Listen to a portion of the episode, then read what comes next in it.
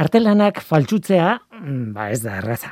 Artea handia behar da lan bat kopiatzeko edo imitatzeko eta benetako balitzu ezala saltzeko, ez.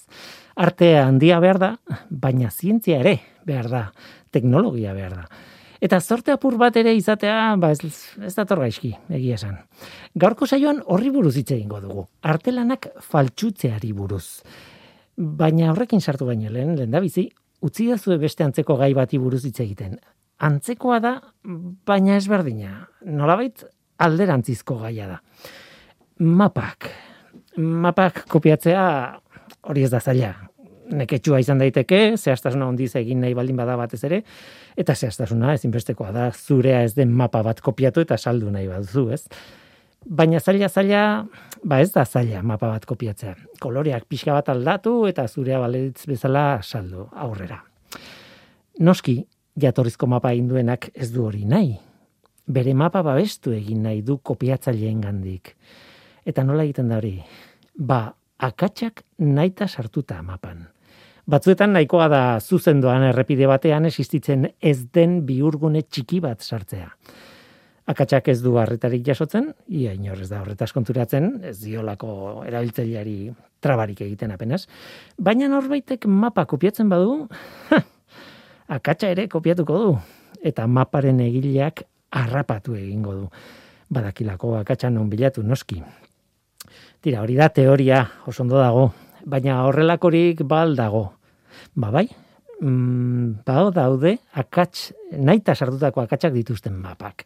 Batzuetan akats eskutuekin eta beste batzuetan akatsak aitortuta daudela gainera. Grezian adibidez, Nik eta Joan Fotis argitaletxeren Atikako errepideen mapa ospetsu batean, ba ohar batek dio kale akasdunak daudela naita marrastuta. Hori kopiatzaileek jakin dezaten aldez aurretik. Mota askotako akatsak erabiltzen dira horretarako ez bakarrik errepiderena.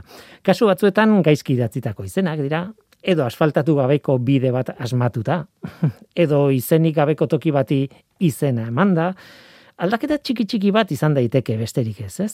Baina nahikoa da, egilearen segurtasun marka horruzteko, taka. BBC-ko programa batean, 2005ean, esan zuten Londresko A to Z mapan, e, atik zetarak mapa, edo oso mapa ospetsuak dira turistentzat eta angoentzat, eta oso erabiliak dira, ba, bebezen esan zuten Londresko mapa horretan eun akatsetik gora daudela sartuta naita. Barlet Place kaletxoari adibidez, Broadway Walk izena mantzioten. Eta Book Muse izenekoaren partez, ba, Brook Muse izena azaltzen da mapan. E, bueno, horiek dira bi, baina askoz adibide gehiago omen daude mapa horietan. Eta, bueno, noski, gipuzkoaren tamaina duen hiri baten mapan, egia esan, denetik sartu daiteke. Oso ondia da. Eta aldaketa ez zain txigiak ere egon izan dira mapatan. Existitzen ez diren mendiak egon dira marrastuta adibidez mapa batzuetan. Estatu batuetan, Colorado estatuko mapa batek Richard izeneko mendi bat erakusten zuen. Mount Richard. Eta toki hartan, benetan ez zegoen mendirik. Egileak, bueno, Richard Siachi zuen izena, ez? Mount Richard. Tira, sartu katx bat zure mapan naita eta kopiatzaileak harrapatuko dituzu. Orain, badira historio arraro batzuk horri lotuta.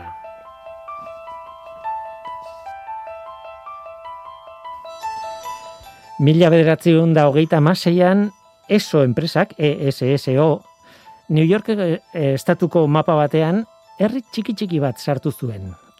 Aglow. Gurutze bide batean marraztu zuen eh, puntu txuri bat eta izena eman zion edo zein kopiatzaile harrapatzeko asmoz, ez? Eta bihar marka da geroago, ba, Rand McNally konpainiak kopiatu egin zuen mapa ura. Baina historiak ez usteko txiki bat izan zuen. Esokoek salatu nahi izan zuten kopiatzailea nola ez? Baina ezin izan zuten. Azken urte haietan norbaitek etxetxo bat eraiki eta denda txiki bat jarri zuten gurutze bideo horretan, negozio txiki bat. Eta esoren mapan tokiaren izena irakurrita, ba, Aglow, ba, Aglow General Store izena jarri zioten dendari. Eta beraz, horrela, fikziozko toki izena, erreal bihurtu zen, bapatean. Denborarekin negozio ura desagertu egin da, baina Aglow izenak ordea ba, mapetan irauntzuen. Diotenez, diotenez, Google Mapsen ere egontzen garai batean. Nik ez dakit, gaur egun ere, Aglow izena ez omen dago mapetan inon. Baina bai, kontatzen diren historioetan.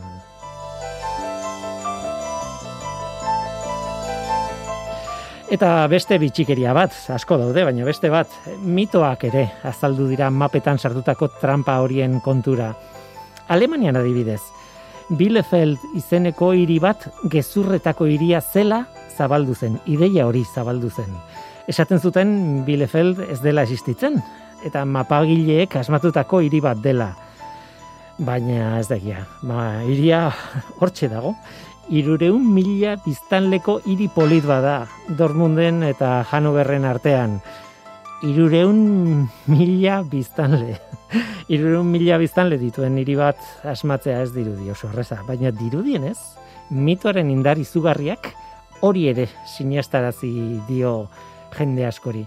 Bi, bilefeldeko konspirazioa deitzen zaio kontu horri eta nahi badezue, ba, bueno, begiratu, Wikipedian bertan badu sarrera bat.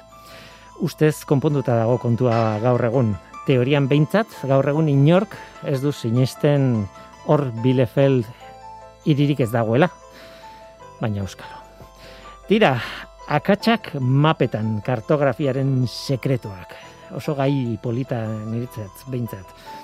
Imaginatzen, obaba izeneko herri bat markatuta autoan daramazun errepideetako mapan